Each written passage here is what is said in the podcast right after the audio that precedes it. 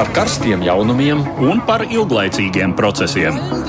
par idejām, par cilvēkiem, par naudu, Un par laiku, par abām mūsu planētas puslodēm. un lietojot abas smadzeņu puslodes. Ēterā raidījums divas puslodes. Tāds Lenīns Šaits Tomsons šobrīd saka jums labdien! Šī stunda ir paredzēta sarunai par aktuālo pasaules politikā. Mēs divās puslodēs runājam par tematiem, kas ir interesanti ne tikai Latvijā vien. Eiropas Savienības daudzgadu budžets ir aktuāls visām Savienības dalību valstīm, protams. Šodien Briselē pulcējas valstu vadītāji uz Eiropadomes īpašo sēdi, lai mēģinātu panākt kopēju nostāju, pēc kādiem principiem dalīt naudu nākamajiem septiņiem gadiem. Minhenē iepriekšējā nedēļas nogalē notika ikgadējā drošības konference, kurā pārnāja būtiskākos drošības aspektus un draudus ASV, tuvi austrumi, Eiropas kopējā nostāja. Viens no karstiem tematiem joprojām ir Ukraiņas austrumi, kur situācija diemžēl tikai pasliktinājusies. Ķīna savukārt sāk rēķināt, kādus zaudējumus radījusi koronavīrusa izplatīšanās. Nepieredzētie drošības pasākumi dārgi maksājuši ne tikai Ķīnai, bet arī daudzām pasaules kompānijām, atsevišķām nozarēm, un diezgan prognozējami atstās iespaidu arī uz globālo ekonomiku. Studijā kopā ar mums Latvijas televīzijas žurnālists Inns Strasdiņš. Sveiki! Labdien! Un politologs vēstures doktors Sajārs Skudra. Labdien! Un sāksim vēl ar dažām citām ziņām īsumā.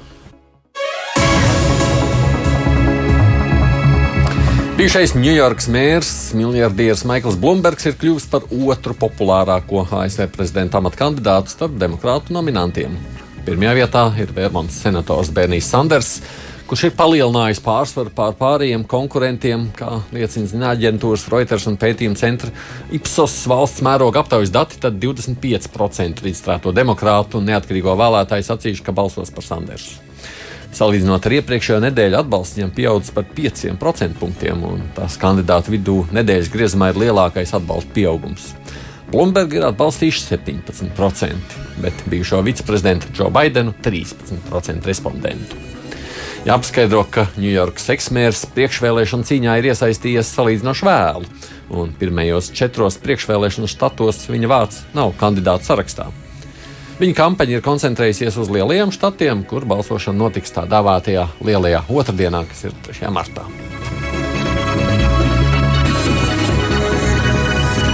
Francijas tiesa ir izvirzījusi apsūdzības pret trimdā Francijā dzīvojošo Krievijas mākslinieku un aktīvistu Piotru Pavļenski un viņa draugu saistībā ar nopludinātu seksa video, kura dēļ no cīņas par Parīzes mēra amatu bija spiests izstāties tūs Francijas prezidenta Emmanuel Macron sabiedrotais Benjamins Grivo. Apsūdzētie esot pārkāpuši tiesības uz privāto dzīvi un arī publiskojuši seksuālu raksturu attēlus bez tur redzēto piekrišanas. Un tas Francijā ir likuma pārkāpums. Pavļenskis, kas 2017. gadā aizbēga no Krievijas, jau ir atzīmis, ka viņš ir publicējis video, kurā kāds vīrietis redzams masturbējam, kā arī nosūtīts pikantās izziņas. Politiķis Grivo ir precējies, trīs bērnu tēvs, un kā ziņa aģentūrai AFP paskaidroja Pavļenskis, viņš ir gribējis atmaskot 42 gadus vecā politiķa liekulību, kurš ģimeni bija izvirzījis par savas kampaņas centrālo tematu.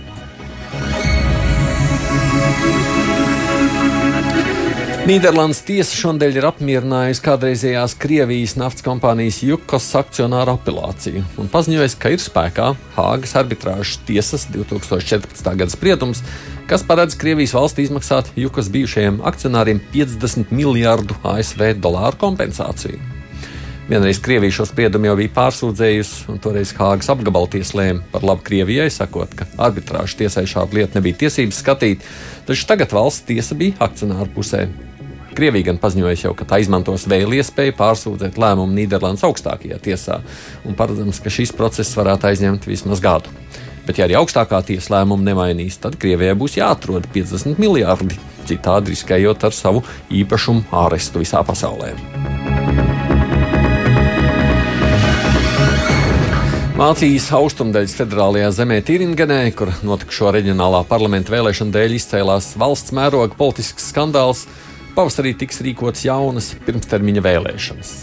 5. februārī Tīringens premjera amatā tika ievēlēts brīvo demokrātu politiķis Tomas Kemerichs, par kur nobalsoja gan kristīgie demokrāti, gan arī alternatīva Vācijai.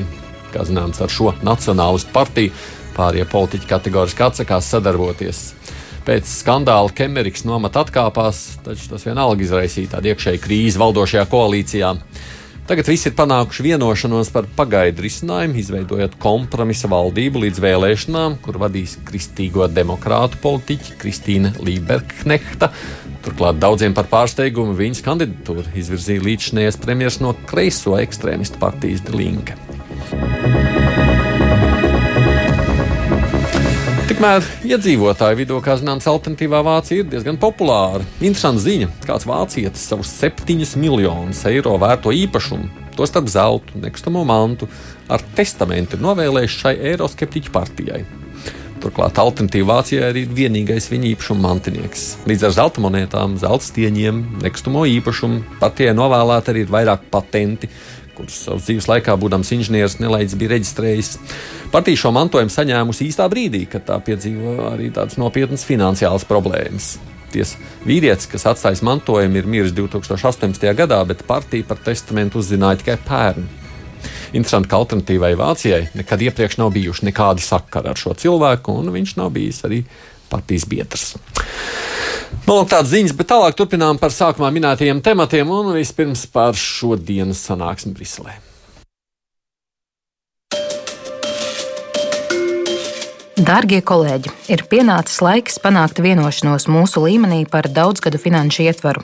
Katra novilcināšanās radīs nopietnas praktiskas un politiskas problēmas un apdraudēs esošo programmu un politiku turpināšanu, kā arī jaunu ieviešanu. Es visnotaļ apzinos, ka šīs sarunas ir vienas no sarežģītākajām, kādas mūs sagaida, bet es esmu pārliecināts, ka ar veselo saprātu un apņēmību mēs varam panākt vienošanos, kura nāks par labu visiem eiropiešiem. Tā raksta Eiropadomas priekšsēdētājs Šarls Mišels, aicinādams Eiropas Savienības valdību vadītājus uz šodienas īpašo sanāksmi par Eiropas daudzgadu budžetu. Tagad, kad Lielbritānija gal galā ir sekmīgi izstājusies, beidzot ir skaidrība par potenciālajām budžeta aprisēm. Eiroparlamenta deputāti daudzgadu budžeta jautājumos cits starpā apsprieda pēdējā plenārsesijā pagājušajā nedēļā.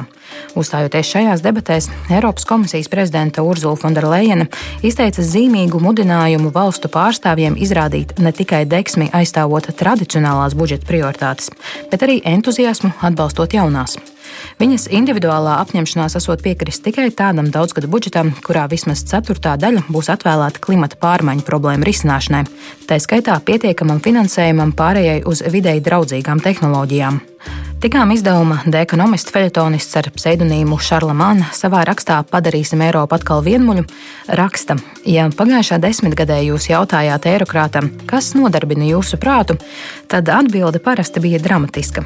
Desmitgades sākumā eiro zvērojās uz sabrukuma robežas, desmitgades vidū Grieķija teju tika izmesta no savienības, tad teju trīs miljonu patvērumu meklētāji ieradās no Sīrijas un citiem karstajiem punktiem. Drīz pēc tam Lielbritānija, tobrīd otra lielākā Savienības ekonomika nobalsoja par izstāšanos, kaut arī nebija nekāda nopietna plāna, kā to izdarīt. Īsāk sakot, dzīve Briselē bija aizraujoša. Vairākus gadus amatvīri uztvēra šo pilsētu kā vizīti pie proktologa, nepieciešamu, bet netīkamu. Šie laiki ir pagātnē. Brisele atkal ir nomierinoši vienmuļa. Pajautājiet garām ejošam eirokrātam, kas jauns, un atbilde būs prozaiska. Diņģējamies par savienības budžetu. Atgādījums studijā šeit arī Inna Strasdiņa, Jērs Skudra, ko sagaidāt no šīs dienas tikšanās Inā? Man ir dežavu sajūta. Tāpēc, ka es pati, kad strādāju vēl Briselē, tad mums ikreiz, kad nāca septiņu gadu budžets, tad tas bija jau skaidrs trīs dienas ilgs pasākums kā kāzas latgalē. nu, tik tiešām to, to nekad nevar uh, paredzēt, kā tas izveidosies, bet īpaši tagad, kad Lielbritānija ir aizgājusi no Eiropas Savienības un ir šis vairāku desmitu miljārdu lielais rops Mhm. Uh, ir jāsaprot, kā tad dzīvot tālāk, jo vajadzības aug, naudas it kā ir mazāk. Un, protams, ale šī cīņa starp valstīm, kuras negrib tik daudz tērēties, kuras pašas iemaksā daudz, bet kuras grib uh, ātrāk sasniegt veco valstu līmeni. Un šajā skaitā arī esam mēs, Latvija, uh, kas grib vairāk naudas gan kohēzijai, tas reģionālajai attīstībai, gan lauksaimniecībai un citām vajadzībām. Bet eh, šī cīņa patiešām alaži ļoti smaga, grūta, jo viss, kas saistās ar naudu, ko, kurā pirkstā grib, grib Kurš tā parasti vinnēs šādās cīņās? Eh, parasti ir kompromiss variants. Eh, es teikšu atklāti, ka. Um, nu, ik gadu par dažādi izsakās, ik reizi izskatās, izsakās par dažādiem vinnētājiem. Piemēram, pagājušajā reizē, cik es atceros, Polija ieguva daudz naudas. Un tā bija arī tā diplomātiskā veiksme. Pēc tam poļi brauca pie saviem vēlētājiem un stāstīja, kā viņi ir izcīnījuši savu labākus mhm. nosacījumus. Nu, tā ir tā diplomātiska spēle. Jā, ļoti daudz kas notiek aizkulisēs, pa nakti, pa vakaru. Bet vienošanās jāpanāk. Bet vienošanās, protams, ir jāpanāk, tāpēc ka uh, budžetam ir jāstājas spēkā gada nogalē. Tam tātad ir jābūt līdz septiņiem gadiem, tātad no 2020. gada līdz uh, 21. Jā, 21. paldies, Edod, uh, un līdz 7. tātad nu, šī vienošanās būs. Protams, būs noteikti būs. Nu, tur nav noteikti, variantu, nav. bet šajā reizē. Nu, Itālija jau paziņoja, ka viņa jau nē, nē, nē. Tā jau ir tāda diplomātijas spēle. Jā, tā ir absolūti. Līdz pēdējiem tur ir tāds teātris uh, vai dieniņus, ko, ko, protams, arī žurnālistu pulks uh, noskatās un mēģina dabūt visdažādāko informāciju no, no aizkulisku sarunām. Bet šajā gadījumā arī, piemēram, ir strīds starp lielajām valstīm, starp Vāciju un Franciju, kaut arī par tiem pašiem lauksaimniecības maksājumiem, jo franču zemnieki pieprasa, lai viņiem ir vairāk naudas lauksaimniecībai vai savukārt Vācija negrib tik daudz dot. Īsāk sakot, tā ir milzīga cīņa. Bet, kā jau sacīju, uh, ņemot vērā to, ka Lielbritānija ir aizgājusi un ir mazāk naudas, uh, un valstis vēlas, uh, piemēram, vairāk līdzekļu šoreiz atvēlēt, piemēram, klimatam, robeža aizsardzībai. Tie ir jauni aspekti, kas ir nākuši klāt. Vajadzības aug. Jo, klimatam 25% nu, teica Leijana. Vismaz. Jā, tā tad, kas attiecas uz diskusijām, mana prognoze ir tāda, ka budžetu pieņems Vācijas prezidentūras laikā, kas sākas ar 1. jūliju. Tātad šī gada otrajā pusē, tad, es piekrītu, tad visticamākais gada beigās. Uh, otra problēma, kas ir būtiska, tā, tas ir strīds. Nu, nu, pirmkārt, naudas būs mazāk, tas ir skaidrs. Uh, jautājums ir par dalību valstu iemaksām. Arī skaidrs, Vācija saka, 1% un pietiek, citi saka, vajag 1,1. Var sakot, par to diskusiju. Tad otra problēma ir, ir tā dēvētais 15 valstu, tā dēvētais kohēzijas bloks, kuras tad iestājas par tiem kohēzijas līdzekļiem, jeb tā teikt, sociālās izlīdzināšanas problēmas. Esam. Tur mēs esam mhm. tajā blokā iekšā. Mm, un, un savukārt Eiropas komisija vēlas modernizēt budžeta struktūru.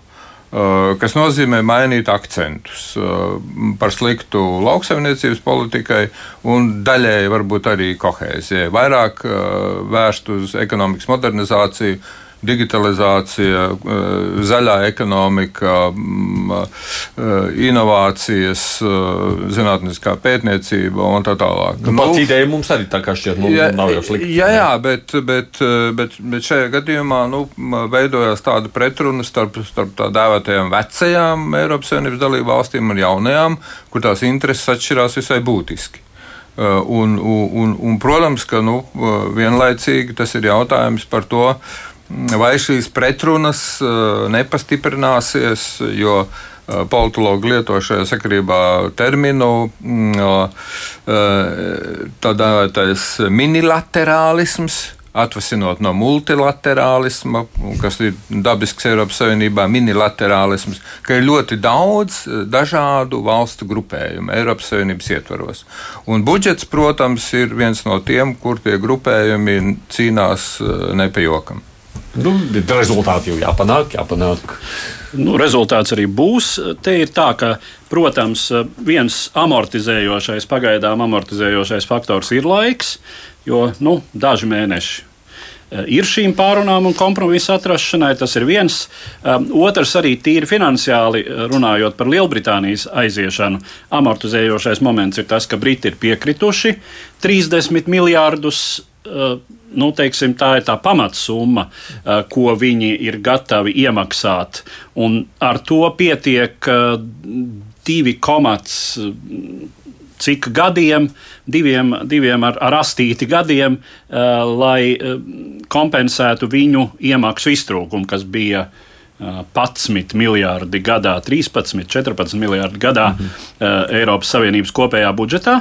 Uh, nu, tur ir vēl citas Britiem saistības, kuras viņi faktiski tas, ko man teica Inês Vaidere vienā sarunā, uh, ka līdz 2060. gadam ir atsevišķas saistības, kuras Lielbritānija turpinās sekt ar Eiropas Savienību. Tas mazliet komiski, protams, izklausās. Un Protams, jebkura krīze ir iespēja, un eh, šajā gadījumā bija ir jautājums, ja jau budžets ir jāpārplāno, tad izdarīt to labāk, ne tikai kompensējot Lielbritānijas aiziešanu, bet izdarīt kaut ko labāk un pareizāk. Eh, un eh, viens labāk un pareizāk, uz kuru uzstāja taiskaitā valstis, tādas valstis kā Latvija un Austrumēropas, citas Austrumēropas valstis bija varbūt līdz ar Lielbritānijas aiziešanu, varētu likvidēt budžetā to, kas bija Lielbritānijas iniciatīva savā laikā, proti šis, šis atpakaļ atmaksājums vai izlīdzinājums, ka lielākie maksātāji tomēr saņem zināmu daļu, tā kad maksā zināmu daļu mazāk, ka nav tīrais procents no iekšzemes koprodukta, ka ir tomēr eh, vēl koriģējošais mehānisms eh, atkarā no tā, cik daudz vispār valsts iemaksā. Un tas, protams, nāk par labu un veicina lielo maksātāju gatavību maksāt. Bet nu, tā ideja bija, tā kā Lielbritānija bija tā, kas to ierosināja savā laikā, nu, tad Britiem aizejot, varētu šī ideja aiziet un princips aiziet viņiem līdzi. Nē, gluži tā tas nav. Eiropas parlaments bija entuziastisks šai sakarā. Eh, bet, eh, lūk, Eiropas, eh, tātad Eirokomisijas prezidents Mišēla kungs tomēr savos priekšlikumos šo principu ir saglabājis. Interesanti nianses, starp citu, paskatoties, kādas tad ir valstu pozīcijas par šiem procentiem, un tur ir virkne valstu. Tātad tā sauktais sīkstuļu klubiņš, Eh, kuri eh, kategoriski negrib maksāt vairāk par procentu, jo tās ir tās valstis, kurām noteikti būs jāmaksā. Tā ir Vācija, Nīderlande, Dānija, Zviedrija un Austrija. Vācija var būt pat salīdzinoši mazākā mērā, bet tie četri mazākie šai kombinācijā, salīdzinoši mazākie spēlētāji, ir nu, tie Eiropas sīkstuļi. Un tad ir valstis, kuras ir gatavas, nu, pamatā tas viss svārstās ap 1,1%. Ja? Lielākā daļa šķiet šobrīd uh, ir gatavas nu, teiksim, atbalstīt 1,11% no uh, iekšzemes koprodukta. Uh, Latvija ir vienīgā valsts, kura pagaidām nav nosaukusi procentuālo lielumu. Uh, Latvija ir vienīgā valsts, kur šobrīd. Mēs jau kurā gadījumā saņemam vairāk nekā atbildam. Jā, protams, mēs saņemam un diezgan prognozējam, joprojām saņemsim apmēram četras reizes vairāk nekā iemaksājam. Mm. Bet um, Latvija ir tā, kura, kura saka, nu, skatīsim, skatāmies pēc prioritātēm. Kāds tad ir tas gross, eh, kuru mums piedāvā, un tā faktiski. Vismaz teorētiski, es neru, nezinu par diplomātiskajām un šīs spēles niansēm, bet tīri teorētiski tā Latvijai ir pareiza pieeja. Eh, jo mēs joprojām esam valsts, kas ekonomiski un sociāli ekonomiski ir dinamiskā attīstībā. Uh, un līdz ar to mums būtu svarīgi skatīties ne tikai uz esošajiem labumiem, ko mēs saņemam, bet prognozēt mūsu nākotnes attīstību un tiešām skatīties uz, gan uz šo uh, zaļo kursu, uh, kā mēs tajā iekļaujamies, Uh, uz attiecīgi mm, sociālajiem, uh, sociālajiem teiksim, atbalsta mehānismiem un, protams, arī inovāciju un tehnoloģiju. Mm. Respektīvi, tas, ko es gribu teikt, nu, Latvijai pieķeršanās tikai kohēzijai un platību maksājumiem nav īsti adekvāta politika. Bet nu, tā jau tādā kopējā vilcienā, nu, tā ir tā mūžīgā stāsts. Nu, tā ir tāda apelācija pie jūsu cēlījām jūtām bagātie, nu, apžēlojieties par tādiem nabadzīgākajiem, dalieties mazliet ar savu daļu vairāk ar mums, nekā jūs gribētu dalīties. Nu, kaut kā tā, es tāds šos vulgārus to izsakos.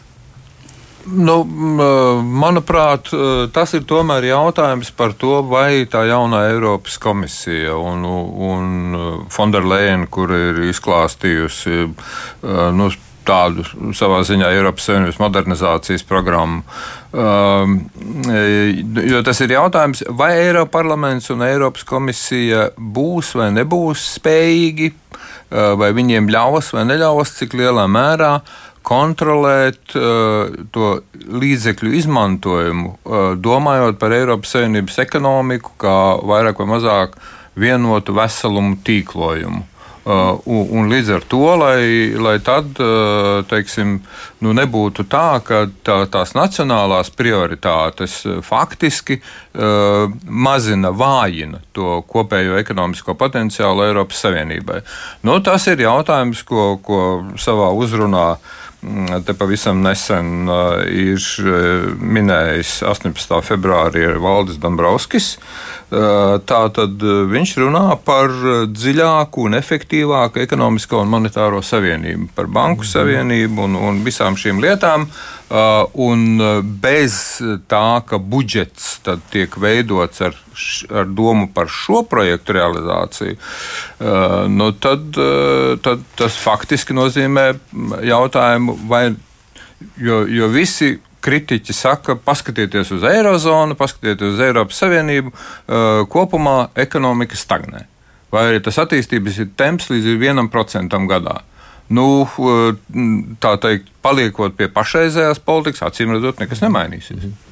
Jo tur ir tiešām, es absolūti piekrītu, jo tur ir tā arī, eh, teikt, tā iekšējā slodze, ka Eiropas, eh, tas arī, ko jaunās dalībās nosacīt, jaunās uh, apelē, nu, ka tam ir jābūt būtībā attīstības budžetam, jo Eiropas Savienība gan iekšēji ir vēl aizvien dažādā lī, attīstības līmenī, ja mēs zinām vecās valsts un jaunās, un tajā pašā laikā tā jāspēj konkurēt arī ar ārējo globālo tirgu, ar Ķīnu, ar, augoši, ar Ameriku, ar augošajām valstīm valstīm. Līdz ar to tā, tā tiešām šī, šī budžeta ideja un tā lielā sāpe ir, lai tas ir attīstības budžets, lai, vai, vai ir spēja attīstīties gan no iekšienes, gan arī attīstīties tā, lai varētu pastāvēt pasaulē. Un šī vēlme, domājot par vidi, ka nu, 25% kā Lēna sacīja, šī šausmīga summa salīdzinoša, vai ne? Sakot, 25% no budžeta vajadzētu veltīt tā, lai mēs pārlēmtu visu biznesu uz tādu klimata neitrālo. Jā. Jā. Vai tas ir, nu, to var savienot ar to nepieciešamību arī pēc attīstības. Jo... Nu, Absolūti, ideja, jā, ideja jā. ir tieši tāda, nu, jā. ka tas ir jaunais, ka tā ir jaunā Eiropas attīstības iespēja Virzins, kļūt mm -hmm. par Eiropas līderi šajā jauno, ekoloģiski atbildīgāko tehnoloģiju ieviešanā. Un ka tā ir, ja mēs būsim pirmie, tad mēs ne tikai tā sacīt, iziesim pa nullēm, bet mēs ar to pelnīsim. Eiropa varēs piedāvāt eh, šos tehnoloģiskos risinājumus un attiecīgus produktus citur pasaulē. Eh, un, Eh, prot, bet, protams, šobrīd, nu, kā jebkurā tādā jaunā pasākumā, tas prasa investīcijas. Un ne tikai investīcijas kaut kādu inovāciju izstrādē, bet arī esošās ekonomikas struktūras mainīšanā, ko starp citu Fonderleina uzsvēra šai savā runā tūlīt pēc tiem 25%, kas ir apmēram 25 miljardi šo septiņu gadu laikā, 200, 250 miljardi laikam. Kopējais ir triljons, laikam ir būtu mm. apmēram tas kopējais mm. septiņu gadu budžets. Uh, tad uh, viņi uzreiz teica, ka ir jābūt atbilstošām, adekvātām investīcijām tur, kur, uh, nu, kur ir atpalicība. Nu, un pirmām, kā, un tas ļoti interesē Austrumēropas valstis, šis jautājums, jo uh, runa ir par to, ka sīkstuļu klubiņš ir ļoti entuziastisks par uh, šo zaļo kursu. Dānija, Zviedrija, Austrija, arī dzen, Nīderlanda, protams, viņi ļoti grib, lai Eiropa kļūtu zaļa, un viņi ar abām rokām atbalsta lūk šo ekoneutralitāti uz attiecīgi 2050. gadu, bet Viņi negrib īpaši par to maksāt. Tātad, ja Polijai ir daudz ar oglēm kurināmu elektrostaciju, tad lai paši poļi meklē tos Nu, vismaz desmitus miljārdu eiro. Uh, kurus ieguldīt šo, uh, šīs enerģētikas nozares pārstruktūru. Un tam visam šodien būtu jāparādās tajās diskusijās valsts sarunās jā, par to, kurš par to maksā. Jā, jā. Protams, par to jau ir runa. Un, un teiksim, tā, tā Austrum Eiropas nostāja ir, gribat ekoloģisko Eiropu, ja? tad tomēr padalieties, lūdzu. Ja? Nevis uzkraujiet, pieņemot kaut kādus regulējošus noteikumus, uzkraujot un uzkraujot to uz salīdzinoši trūcīgāko un uh, arī šai zaļajā ziņā varbūt mazattīstītāko valstu plecī. Nu, redzēsim, kāds būs tas rezultāts šīm sarunām, kas tagad notiek, sākās. Mēs turpinām par drošības tematiku. Minhenes drošības konference Bavārijas galvaspilsētā notiek ik februāri kopš 1963. gada. Konferences ideja ir mazināt kara draudus un sekmēt kolektīvo drošību, radot dialogu platformu atbildīgiem politisko un militāro lēmumu pieņēmējiem, diplomātiem, drošības un militāriem ekspertiem. Līdz pat pagājušā gadsimta beigām Minhenes drošības konferencē aicinātie bija pamatā NATO un Eiropas Savienības pārstāvi, taču pēc 1999. gada tiem pievienojās arī dialogu partneri no centrālās un austrumēropas, Indijas, Ķīnas, Japānas un Irānas, un mūsdienās Minhenes konference reizēm tiek dēvēta par diplomātu Davosu. Katru gadu pirms konferences tiek publicēts Minhenes drošības ziņojums, un šī gada ziņojumam dots apakšvirsraksts Vestlesnes. Šis pēc vācu salikteņa paraugu daļinātais un grūti tulkojamais jaunvārds asociējas pirmām kārtām ar angļu restlessness - nemierīgums. Tas tiek skaidrots kā metafora pašreizējām bažām par tradicionālo rietumu vērtību un rietumnieciskās identitātes apšaubīšanu un pat noliekšanu, par vienotas rietumu pasaules izjūtas un mērķorientācijas trūkumu. Kā acīs novērotāji, arī Minhenē uzkrītoši pamanām bija redzējuma plaisa starp Eiropas Savienības un Savienoto valstu pārstāvjiem. Kamēr Amerikas valsts sekretārs Maiks Pompeo un aizsardzības ministrs Marks Espers aicināja Eiropiešus vienoties kopējā pretstāvē Ķīnai kā galvenajam globālajam draudam un Huawei kā konkrētajai izpausmē, Eiropieši pārmet amerikāņiem atkritīšanos no globālā drošības garanta atbildības. Tā Vācijas ārlietu ministrs Heiko Mās norādīja, ka amerikāņu aiziešana no tuvajiem austrumiem radījusi ģeostrateģisku vakumu, kuru steidz aizpildīt Krievija, Irāna un Turcija. Par karu un mieru tuvajos austrumos tagad vairs nelemjot Ženēvā vai ANO mītnē Ņujorkā, bet gan Sočos un Astanā. Francijas prezidenta Emanuela Makrona aicinājumi vienoties Eiropas suverenitātes stiprināšanai joprojām nerod gaidīto atbalsi, sevišķi jau Vācijā. Bet Ukrainas prezidents Volodimirs Zelenskis konferencē uztraucās, ka pasaule aizmirst par karu Ukrainā, kas nu jau ilgst ilgāk nekā Otrais pasaules karš.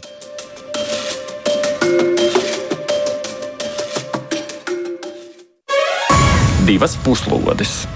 Atgādījums studijā kopā ar mums Latvijas televīzijas žurnālisti Strasdiņa, politologs vēstures doktors Ejārs Skudra un arī mēs ar Eduardu Liniņu. Kas jums šķiet būtiskākais skudras kungs no tā konferencē? Um, tā tad uh, daudzas lietas tur uh, ir um, apspriešanas vērtas. Uh, es uh, gribētu pakavēties pie tā. Mm, uh, mazāk rietumnieciskā, mm, kas tika kā sauklis izvirzīts eh, par galveno tēzi. Tātad nu, Minhenes konferences īpatnība ir tā, ka pirms eh, konferences tiek publicēts kārtējais gadskārtējais ziņojums. Un, un šis eh, šā gada ziņojums ir veltīts tam. Um, Vestlesnes, jeb mazāk rietumnieciskumam, Uh, un atbildes, uh, tātad es gribētu ātri nosaukt punktu veidā, un tad mēs varam padiskutēt, ja, ja, ja mums uh, radīsies tāda vēlme. Tā tad um, trīs valstu grupas um, pasaulē. Jo, jo jautājums ir par alternatīvu tā dēvētajai lielvaru konkurencei, uh, kuru pārstāv Amerikas Savienotās valstis, Ķīna, Krievija un, un vēl vairākas valstis, kas mazāk jaudīgas. Tātad vai tam ir alternatīva? Uh, un, un tad kā alternatīva šajā ziņojumā tiek minētas trīs valstu grupas. Tad pirmkārt, uh, tātad starptautisko kārtību veidotu globālās sadarbības tīkls, bet atsevišķos jautājumos. Tad katrā jautājumā cita sadarbojušos valstu vadošā grupa. Uh, viena atbilde, otra atbilde. Mm, tātad, ciešāk saistīts uh, klubs, uh, kas nodarbotos ar ekonomiskās integrācijas jautājumiem. bet globālā mērogā. Un, un trešā grupa tā tad būtu valstis, kas galveno akcentu liek uz nacionālo politiku, nacionālās robežās. Nu, runa ir, protams, par pasaules lielvalstīm, galvenokārt ekonomiskajā ziņā. Uh, un, uh, tā tad, uh, bet, bet šīs valstis vienlaicīgi at, at, at, atbalstīt tā dēvēto atvērtību pasaulē, nevis norobežošanos, kā tas ir uh, vērojams uh, nu, Trumpa administrācijas politikā, tad izolacionismu tendences. Tātad uh, šie ir trīs aspekti. Un, un, un, un tad ir jautājums par to, kas tad būs tās vadošās tas, tas klubs, kas aizsargās to mm, liberālo pasaules kārtību, gan ekonomiski, gan politiski. Eh, un, un atbilde ir nu, šajā mm, provizoriskajā ievadziņojumā. Tātad tās ir deviņas pasaules vadošās demokrātijas, kas te netiek uzskaitītas. Kāds var iedomāties, mm, kuras ir tās deviņas, plus Eiropas Savienība. Tad Eiropas Savienība ir kā viena. Un tad ir šis desmitnieks, kas tad uh, būs tas, kuram jāvirza tie rietumi pretim 22. gadsimtam, jo šis desmitnieks visas demokrātiskas valstis. Tātad 9 plus Eiropas Savienība, kas nozīmē 57% no pasaules IKP 2018. gadā. Nu, tāda apmēram tā aina tur tiek skatīta. Uh, un NATO visā šajā sakarā? Un, un NATO visā šajā sakarā mm, uh, spēlē pakārtotu lomu.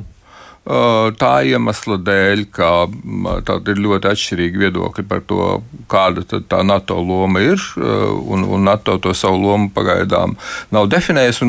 Šajā konferencē nu, NATO pārstāvji, izņemot Stoltenberga kungu, nu, tur viņi par NATO teikt, īpašas diskusijas nenotika. Mm. Cita lieta ir Ukraina, bet, bet par to mēs varam parunāt vēlāk, ja paspēsim. Ļausim, jā, bet, bet, bet, bet par Ukrainu savukārt ir, ir sakāms, ka ka, protams, tur tās intereses, un tas daļai izpaudās arī norisēs pašā konferencē, tur tās intereses Ukrainai un, un tās atbalstītājiem Eiropā kas ir sadalījušies Makrona piekritējos un nemakronistos, ar Amerikas Savienotām valstīm priekšgalā stipri atšķirās. Par konferenci. Jā, nu, turpinot varbūt to, ko Skudras kungs jau uzskaitīja, tātad šie trīs modeļi um, tālākai drošības situācijas, nu, teiksim, uzturēšanai pasaulē, par ko acīm redzot ir runa. Uh, visdrīzāk jau kā arī turpmāk, tāpat kā līdz šim pastāvēs zināms uh, hibrīds no visiem trim, uh, bet Nu, ja runā par Eiropas Savienību, tad te nu visva, vistuvāk un tad visvairāk uzprasās šis uh, otrais modelis, uh, savstarpēji cieši saistītu valstu klubs, kurš mēģina savā ekonomiskajā orbītā iesaistīt Eh, citus globāli, citus partnerus. Eh, nu, šāds, eh, mm, šāds modelis, tas, tas jau pastāv, tas darbojas. Tie ir šie Eiropas brīvās tirdzniecības līgumi, kas šobrīd ir noslēgti ar Kanādu, ar Japānu, ar, ar, nu, pat ar Vietnamu. Un šķiet, nu, nezinu gan cik ātri, bet virzās sarunas ar Indiju. Bet, protams, ka nu, teiksim, Savienotās valstis uh, savu pašreizējo politiskā, savu pašreizējā kursa uh, dēļ ir pateikušas diezgan skaidru nē, katrā ziņā tādam modelim, kādam, uh, kādam ir piekrituši citi šie partneri, un, un laikam, teiksim, virzās, virzās sarunas ar Indiju. Um, nu, tas, ir, tas, ir viens, tas ir viens šis virziens, kuru visdrīzāk vismaz ekonomiskajā plāksnē turpinās attīstīt Eiropu. Bet, nu, ja runā par militāro drošību, tad tas, kas šajā konferencē izpaudās, um, nu, ir zināma. Nu, droši vien, ka parādās tomēr tas, ka NATO tā ir organizācija, kas tika veidota augstā kara vajadzībām, tā tika veidota dzelzs priekškara situācijai, kad bija pilnīgi skaidrs, kurš ir lielākais ļaunums pasaulē un ar kuru ir jācīnās. Tobrīd nevienu rietumos nebija jāpārliecina, ka padomju savienība un padomju totalitārisms ir tas, kam ir jāstāv pretim visiem līdzekļiem. Uh, un šai cīņā jāpārliecina, uh, jāpierāda rietumu modeļa uh, brīvā tirgus, demokrātijas, tiesisk, tiesiskas, pilsoniskas sabiedrības priekšrocības. Šobrīd pārliecināt visu pārējo pasauli, ka Ķīna ir tas lielākais ienaidnieks. Kaut gan Ķīna ir totalitāra valsts. Um, Ķīna ir, ir iekšēji represīva, policeiska valsts. Tajā pašā laikā Ķīnas atvērtība ekonomiskajai sadarbībai, kas ir pavisam citāda nekā Padomju Savienības savā laikā politika, padara šo jautājumu pavisam citādu. Un Savienotās valstis, kas kas tiek runāts par šo konferenci, ka Savienotās valstis ir ļoti centušās visu pārējo rietumu pasauli pārliecināt, ka Ķīna tagad ir mūsu lielākais ienaidnieks. Uz ko pārējie klātesošie nebūtu neatsaucās ar skaļu entuziasmu. Mm -hmm. Inu, es neformulēju pat jautājumu, ko, kas tev šķiet būtiskākais no šī visa? Jā, nu, to, ko Edvards jau pieminēja, patiesībā tiešām uh, viens no tiem uh, interesantākajiem aspektiem, arī par ko mēs uh, aprunājāmies arī pie manas ziņas dienestā, tieši par to, ka bija šī, šīs divas uh, puses, ASV un pārējās rietumvalstis savos uzskatos, kas tad ir lielāks ienaidnieks, tā nevar teikt gluži, bet nu, tās draudu objekts Ķīna vai Krievija vai Ķīnas ekonomiskā izaugsme vai Krievijas bruņošanās. Un tur arī ļoti hmm, iezīmējās tas, ka būtībā rietumu valstis arī šajā ziņā nav vienotas. Šī rietuma pasaule par to, kas tad mūs īsti apdraud un kā, kā tad šajā situācijā rīkoties un arī par Ukrainu. Par Ukrainu Zelenskis, protams, eh, atgādināja par to, ka Ukraina šobrīd joprojām ir neatrisināts, eh, šis konflikts joprojām ir dzīves un neatrisināts, un ka pasaule, viņaprāt, eh, novēršās vai arī vairs neinteresējās tik ļoti par Ukrainu. Un to arī atzinuši vairāk analītiķi pēc tam analizējot konferences gaitu, ka tiešām tā ir, ka vairāk varbūt uzmanību pievērsa ne tam, teiksim, Krievijas atbalstītajiem agresoriem, bet tam, kā Ukraina un ASV šajā situācijā pastāv. Jo mēs zinām, ka impeachment lieta arī, eh, tātad Donalda Trumpa impeachment lieta, kurā bija ierauta arī Ukraina, patiesībā savā ziņā varbūt pat novērs uh, uzmanību no šī, šī konflikta sāls. Tā man, tās ir divas lietas, kas man personiski aizķērās mm. visvairāk no tā visa. Bet, nu, jā, runājot par, no. runājot par Ukrainu, uh, ja mēs paskatāmies uz to no tāda globālā drošības uh, redzējuma viedokļa, tad, protams, tas ir krietni citādāks nekā tas ir pašai Ukrainai.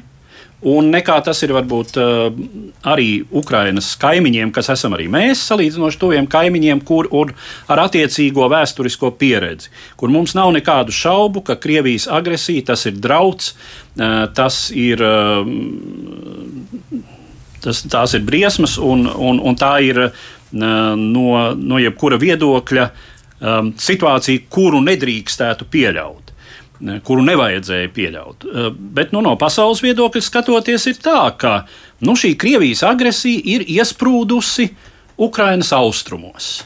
Ukrainai ir izdevies samērā sekmīgi to absorbēt, un tas ir arī tas, ko daži ukrāņu žurnālisti man teica, kad es ar viņiem runāju eh, pirms apmēram pusgada Kievā.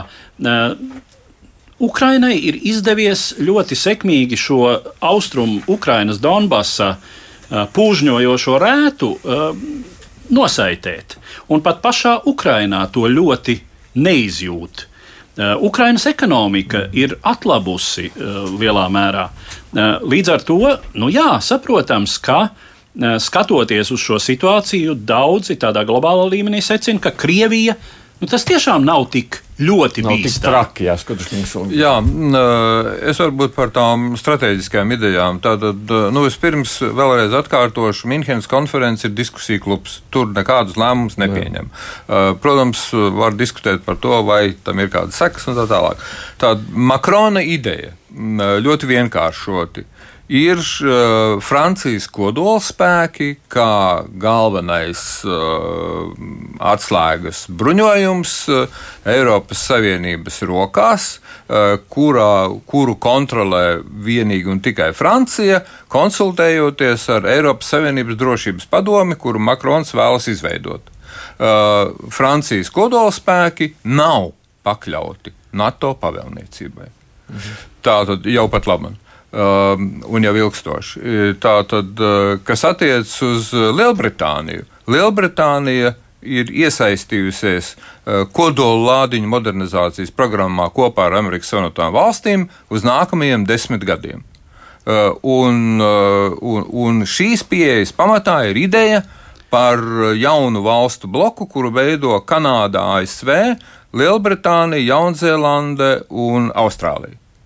Uh, un, uh, un, un tas ir tas galvenais perspektīvais rietumu spēks, nevis NATO. Nu jā, Uh, tā tad- un, un trešā ir Krievijas pieeja.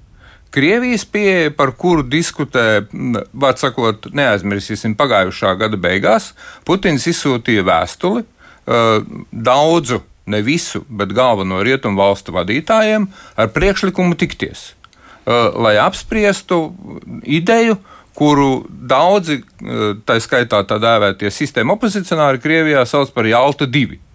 Uh, un, un uh, tāds sistēma opozicionārs kā Venediktovs no Eho Maskvī to nosauc par arhaisku pieeju. Šīs pieejas pamatā ir Eiropas sadalīšana, un ne tikai Eiropas visticamākais, ietekmes zonās. Un tie dalītāji būtu mm, piecas ANO drošības padomas pastāvīgās loceklis ar veto tiesībām. Viss beidzam šo tēmu. Mēs, mēs viņu varētu ilgi un dikti turpināt, eh, saprotu, bet tas ir ļoti arī plašs temats. Bet ekonomika runājot, mums vēl jāpiemina vēl viena lieta. Tas ir nu, daudz pieminētā koronavīrusa sakarā. Saskaņā ar vakar publicētajiem Pasaules veselības organizācijas datiem, līdz šim Ķīnā reģistrēti vairāk nekā 74 tūkstoši saslimšanas gadījumu ar koronavīrusu. Līdz šim miruši 2006 pacienti, 136 no tiem pagājušajā diennaktī. Ārpus Ķīnas līdz šim zināmi 926 saslimušie, no kuriem miruši 3. Taču nesalīdzinām vairāk ir to, kurus tā vai citādi ietekmējuši Ķīnas varas iestāžu ieviestie karantīnas pasākumi. Sākot no sabiedriskā transporta apturēšanas un pārbaudēm, beidzot ar faktisku mājas arestu lielākajai daļai veselu lielpilsētu un rajonu iedzīvotājiem. Tiek lēsts, ka pilnīga pārvietošanās un normāla dzīve šobrīd Ķīnā ir liekta apmēram pusmiljardam cilvēku. Tas nozīmē slēgtas rūpnīcas, veikalus un citus uzņēmumus un preču piegādes pārtraukšanu un kavēšanos. Ekspertu prognozes par to, kāda varētu būt koronavīrusa epidēmijas makroekonomiskā ietekme, joprojām svērstās milzīgā amplitūdā. Vieni paredz, ka Ķīnas nacionālā koprodukta pieaugums agrāk prognozētos 6% vietā šogad būs 5,5%, citi min 4%, vēl citi dramatiski prognozē pilnīgu stagnāciju pirmajā ceturksnī un attiecīgi ne vairāk kā 3,5% pieaugumu šogad. Nozīmīgu kritumu piedzīvo Ķīnas akciju tirgi un paredzama plaša valdības intervence akciju cenu stabilizācijai. Februāra sākumā Ķīnas joņa noslīdēja zem psiholoģiski kritiskā rādītāja - 7 joņas pret ASV dolāru, un arī šobrīd balansē uz šīs robežas. Vīrusu epidēmijas ekonomiskās sekas neizbēgami izjūt arī visa pārējā pasaule, kas ir nesaraujami saistīta ar mūsu planētas ražošanas cehu. Par šī gada peļņas kritumu aizkavētu detaļu piegāžu dēļ jau paziņojas kompānija Apple. Līdzīgas problēmas ir autoražotājiem Nissan un Hyundai. Ķīnas farmaceitiskās produkcijas eksporta pārtraukumi varētu ietekmēt pat Savienoto valstu ekonomiku. Daudz nozīmīgāk nekā agrāk pasauli ietekmēs arī ķīniešu pirktspējas kritums, cik tālu šī nācija no mazapmaksātiem konveijera apkalpotājiem jau kļuvusi par nozīmīgu importētu produktu un pakalpojumu patērētājiem. Trūmas prognozes par šo gadu izsaka Japāņu un Vācu autoražotāji. Tiek lēsts, ka globālā avio pārvadājuma industrija cietīs 4 līdz 5 miljardus lielus zaudējumus, vairāk nekā 1 miljardu lielu zaudējumi sagaidām turisma industrijai Japānā, apmēram tikpat lieli tā izemē. Vissmagāk no epidēmijas izraisītajām ekonomiskajām sakām var ciest Japāna, kuras ekonomika jau kopš pagājušā gada pēdējā ceturkšņa atrodas recesijā. Pie klausulas mums arī ir šobrīd Andris Strasts no Latvijas Bankas ekonomists Strastkungs. Labdien! Labdien! Ko jūs domājat, kādas tās sekas būs tam nu, visam, ko radīs tāds koronavīruss? Uh, nu es ne, neatkārtošu to, ko jau jūs tikko ēterā nostāstījāt, uh, bet ekonomistiem parasti šādās reizēs uh, viņi meklē kaut kādus salīdzinājumus, un tas salīdzinājums, kas mums ir vistuvākais, ir tā saucamais SARS vīrus 2003. gadā un tā ekonomiskā ietekme, kas nu, tolaik arī pēc tādām aptuvenām aplēsēm Ķīnai ap, atņēma apmēram 1% no ekonomikas apjoma. Nu, it kā neko, neko tādu šausmīgi dramatisku, bet nu, tomēr pietiekami būtisku. Uh, bet uh, tā kā Ķīnas uh, tomēr kopējais īpatsvars pasaulē tajā laikā, nu, tas bija pirms 17 gadiem, nebija, nebija īpaši liels, tad pārējo pasauli nu, tas tā īpaši neietekmēja, vai tā ietekme bija tādā statistiskās kļūdas robežās. Bet nu, šobrīd tas, ko, tas, ko mēs varam teikt, ka nu, šis ir vismaz tikpat nopietni, ja, ja mēs runājam par Ķīnu, ja, nu, izskatās pat iespējams nopietnāk. Bet nu, tā otra lieta ir, ka Ķīna šobrīd ir tādā relatīvā izteiksmē kādas reizes četras lielāka, izaugusi pa tiem 17 gadiem nekā nekā, nekā bija tajā 2003. gadā. Līdz ar to arī tā ietekme uz pārējo pasauli nu, tomēr varētu būt, būt jūtama. Jā. Mm -hmm. uh, nu, vienīgi, vienlaikus es arī tomēr, jā, gribētu teikt, ka uh, tas vien neizskatās, uh, ka tas būtu pietiekami, lai teiksim, Eiropa vai ASV vai pārējo pasauli kopumā uh, iegrūstu tādā ekonomikas lejupslīdē. Ja, nu, tik, tik traki vismaz šobrīd tas lietas neizskatās, bet, uh, bet nu, tieši tā kā jūs minējat, arī sižetā uz atsevišķām industrijām, piemēram, turismu industriju vai to pašu autoražotāju teiksim, likstām, ja šis jau varētu vēl, vēl, vēl pielikt kaut ko klāt, un tajās industrijās atsevišķās, jā, tas varētu radīt jau kaut kādas nopietnākas problēmas. Tur kādiem arī varētu gadīties bankroti un viss tam līdzīgi. Jā. Nu, tur varētu gadīties droši vien nu, jā, kaut kādas arī finanšu problēmas, tā, tā ir skaitā, bet nu, šobrīd izskatās, ka tās varētu būt tad, uh, limitētas atsevišķās nozarēs vai, vai tīpaši atsevišķos uzņēmumos, nu, piemēram, kam ir kaut kādā veidā ļoti, uh, ļoti liels uh, vai nu Ķīnas tirgus īpatsvars, vai teiksim, jau pieminētajā viesmīlības nozarē, ja, kas ir kaut kā īpaši fokusējušies uz turistiem no Ķīnas, ja, nu, tad, tad tur varētu būt, protams, dramatisks kritums šogad. Mm, paldies, saku ekonomistam Andrim Strasdam no Latvijas bankas. Nu, no vienas puses arī nu, iepriekš jau pasauli tik ļoti ne es nezinu, vārds pārspīlēt, varētu teikt, ar tādiem drošības pasākumiem, slēdzot robežas valstīm vispār. Jā. Nē, no, robežu slēgšana vispār ir uh, pasākums, kas ir tikai normāls šādā situācijā. Jā. Un, ja mēs domājam par lielajām pagātnes epidēmijām, nu, filmas uh, ir redzējuši un romānus ir lasījuši. Uh, kaut vai kamīna mēri, ja, kā teiksim, tas notika realitātē līdz. Oh, Nē, nu, faktiski vienmēr tas tā ir bijis. Mm. Kā epidēmijas skartus uh, reģionus tā vai citādi izolē. Uh, cita lieta, ka iedzīvotāju blīvums ir tik liels, kā tas daudz vietā, kā tas nekad agrāk nav bijis. Un ekonomika ir tik globalizēta. Pirms uh, 500 gadiem uh, holēras vai mēra epidēmija vienā Francijas reģionā īpaši daudz neietekmēja to, kā ekonomiski dzīvoja visa pārējā valsts, nerunājot par visu pārējo Eiropu. Uh, tas, kas notiek tagad, nu, mēs esam jaunā laikmetā. Tā ir globalizētā pasaule. Piedodiet par tādu metaforu, nezinu cik adekvātu, bet mēs to apendicītu vai vēdergraizes izjūtam visi. Mm. Ko jūs tagad par gaidāmām sekām? Man ir sajūta, ka vēl daudz nezināmā. Es nezinu, man uztrauc tas, cik patiesībā mēs daudz zinām par patiesajiem skaitļiem, kas ir Ķīnā. Jo, uh, Cik, cik, cik liela vēl šī teikt, skāde būs, man liekas, mēs to tā vēl pagaidām tā īsti nevaram apjaust. Man ir tāds sajūta. Gan uz labo, gan uz slikto pusi. Gan uz labo, gan uz slikto, jā.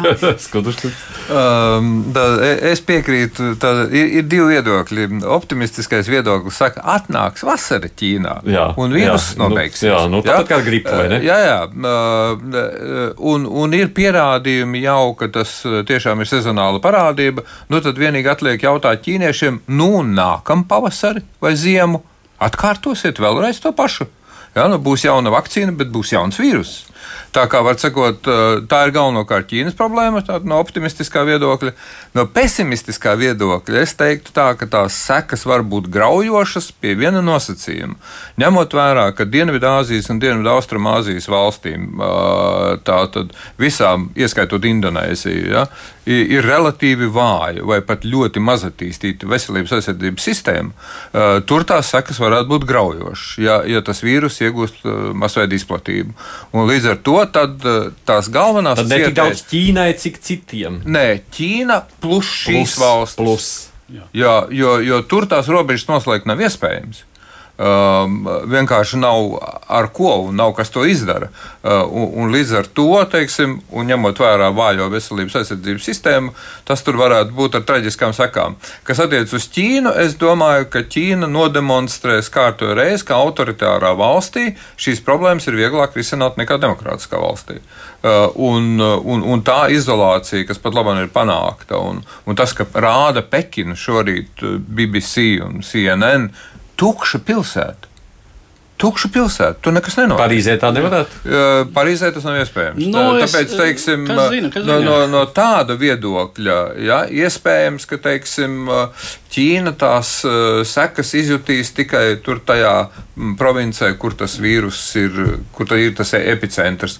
Bet Ķīnas ekonomika kā tāda paliks neskarta. Nu, Ķīnas ekonomika noteikti nepaliks neskarta, tas jau nu tā. Bet runājot par šo totalitārismu, šīm totalitārismu priekšrocībām, kurām es pieļauju, daži labprāt varbūt aplaudētu arī Latvijā. Tad man jāsaka, nu, kā zināms, Ķīnā pastāvošā kārtība lielā mērā bija iemesls tam, ka šis vīrus sākotnēji visai strauji izplatījās, jo uh, tika, kā zināms, policijā arestēti un arī mazliet iedunkāti nu, vismaz viens konkrēts ārsts, ja, kurš mēģināja celt trauksmi pašā sākumā. Un pēc tam mira no vīrusa. Un pēc tam pats mira no vīrusa. Uh, un, uh, nu, lūk, tā, dar, tā arī darbojas totalitārā sistēma. Nu, Galu galā daudzi mūsu paudzes cilvēki vēl atcerās Černobiļu. Ja? Kad, kad pirmās dienas, tā sacīt, Baltkrievu bērni pastaigājās zem lietutiņa, un tikai pēc tam, kad sāk krist matārā, kāds sāk uztraukties. Ja? Un, un saprat, ka, ka nu, par to vispār drīkst un vajag runāt. Ja? Tas, tas ir par, to, par tām sistēmas priekšrocībām.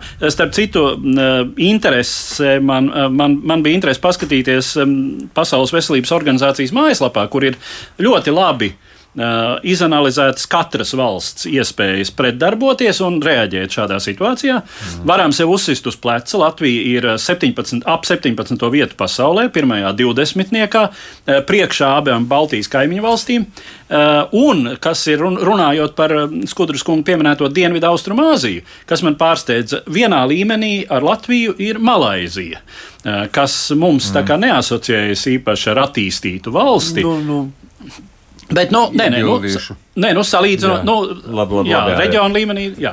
Bet, nu, tā tad uh, Malaizija un, un arī, piemēram, Dienvidkorejā ir ir Dienvidkoreja ir vispār pirmajā desmitniekā, un šķiet arī mm. tā izēme kaut kur pavisam tur. Man jau arī jāsaka, es laikam lielā mērā tagad uh, būšu dombiedrs Inai. Man es vēl ar interesi gaidīšu, kas tālāk notiks, jo tas mm. šobrīd jau labi, mēs vēl esam novērotāji, bet mēs grūti vēl pateikt, kas un kā tālāk attīstīsies, un ne vēl tad ekonomisti tāpēc diezgan piesardzīgi saka, ka vēl jāpagaida lai varētu tālākos secinājumus izteikt. Bet es jums saku, paldies, ka atnācāt. Mums ir šodien jābeidz. Es tur doktors Poltloks, Ejārs Skuta, Latvijas televīzijas žurnālists Dīnas Strasdiņš. Paldies. paldies jums, Edvards Liniņš. Samsons, jau uzreiz arī ir mūsu producente. Tiksimies atkal pēc nedēļas lūkosim, kas jauns ir noticis. Divas puslodes!